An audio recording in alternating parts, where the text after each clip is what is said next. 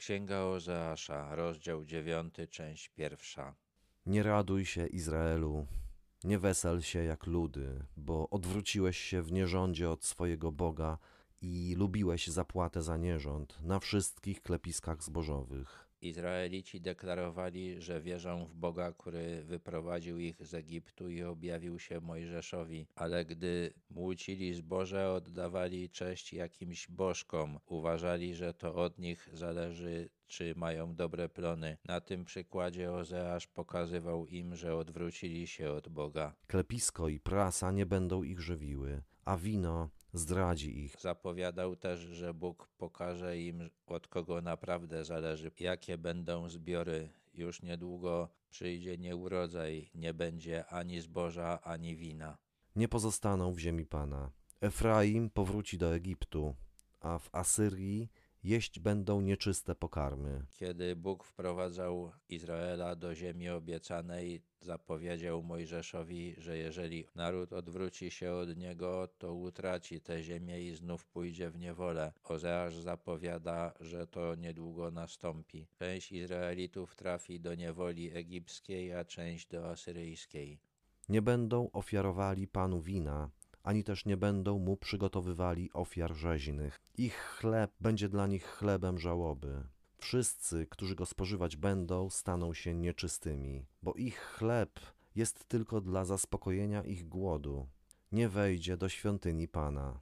Pomimo wszystkich pogańskich praktyk, które stały się powszechne w Izraelu, jakoś te przepisy o czystości rytualnej były poważane i Izraelici najwidoczniej czuli się źle, kiedy nie mogli ich wypełnić. Byli też przywiązani do składania ofiar rzeźnych, bo przy okazji mogli się dobrze najeść. Ozeasz zapowiedział im, że te podstawy ich dobrego samopoczucia zostaną im zabrane. Kiedy trafią do Asyrii, nie będą już mogli zachować tej rytualnej czystości. Nie będą też mieli żadnych zwierząt, które by się nadawały na ofiarę rzeźną i nie będą mogli się najeść mięsa.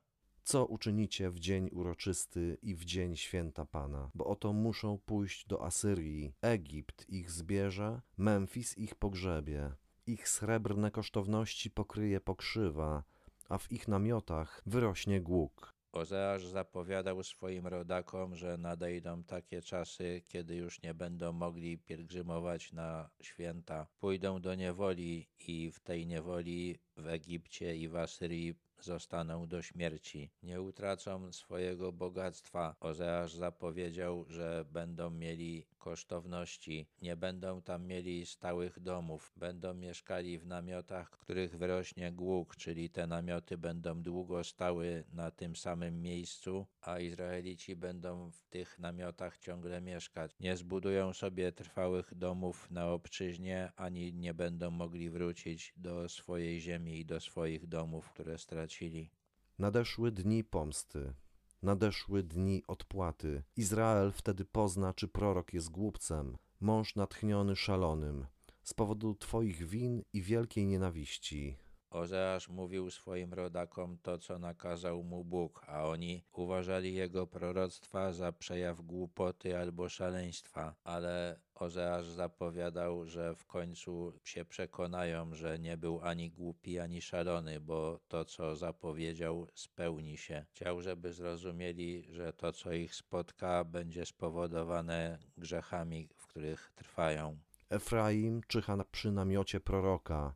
Sidło ptasznika jest zastawione na wszystkich jego drogach. Nienawiść w domu jego Boga. Ozeasz pisze, co przeżywał, kiedy głosił swoje przesłanie. Spotykał się z nienawiścią tych, do których mówił. Rodacy zastawiali na niego różne pułapki. Pisze o nienawiści w domu Boga, czyli nienawidzili go także kapłani. Są zepsuci do głębi, jak w dniach Gibei. Pan będzie pamiętał o ich przewinie, ukarze ich za ich grzechy. W dziewiętnastym rozdziale Księgi Sędziów opisana jest historia człowieka, który przybył do Gibei, zanocował tam, a wielu mieszkańców tego miasta chciało go zgwałcić. W końcu zadowolili się możliwością gwałcenia jego nałożnicy. Gwałcili ją tak, że umarła. Gdy Izraelici dowiedzieli się o postępkach Gibeonitów, uznali, że trzeba ich wytępić i wytępili ich, choć musieli stoczyć wojnę, aby tego dokonać. Ozeasz mówi swoim rodakom, że nie są lepsi od Gibeonitów i spotka ich podobny los.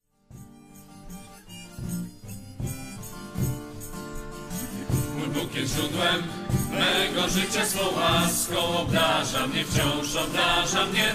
Mój Bóg jest źródłem mego życia, swą łaską obdarza mnie wciąż. I według bogactwa chwały swej obdarza moje życie codziennie. Daje mi aniołów, co strzegą wciąż mnie. Mój Jezus o mnie troszczy się, tak troszczy się. Mój Jezus o mnie troszczy się.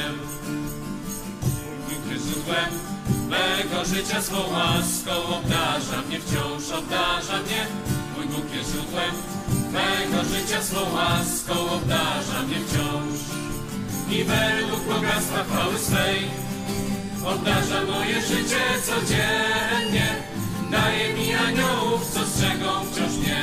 Mój Jezus o mnie troszczy się, tak troszczy się. Mój Jezus o mnie troszczy się i według bogactwa chwały swej obdarza moje życie codziennie.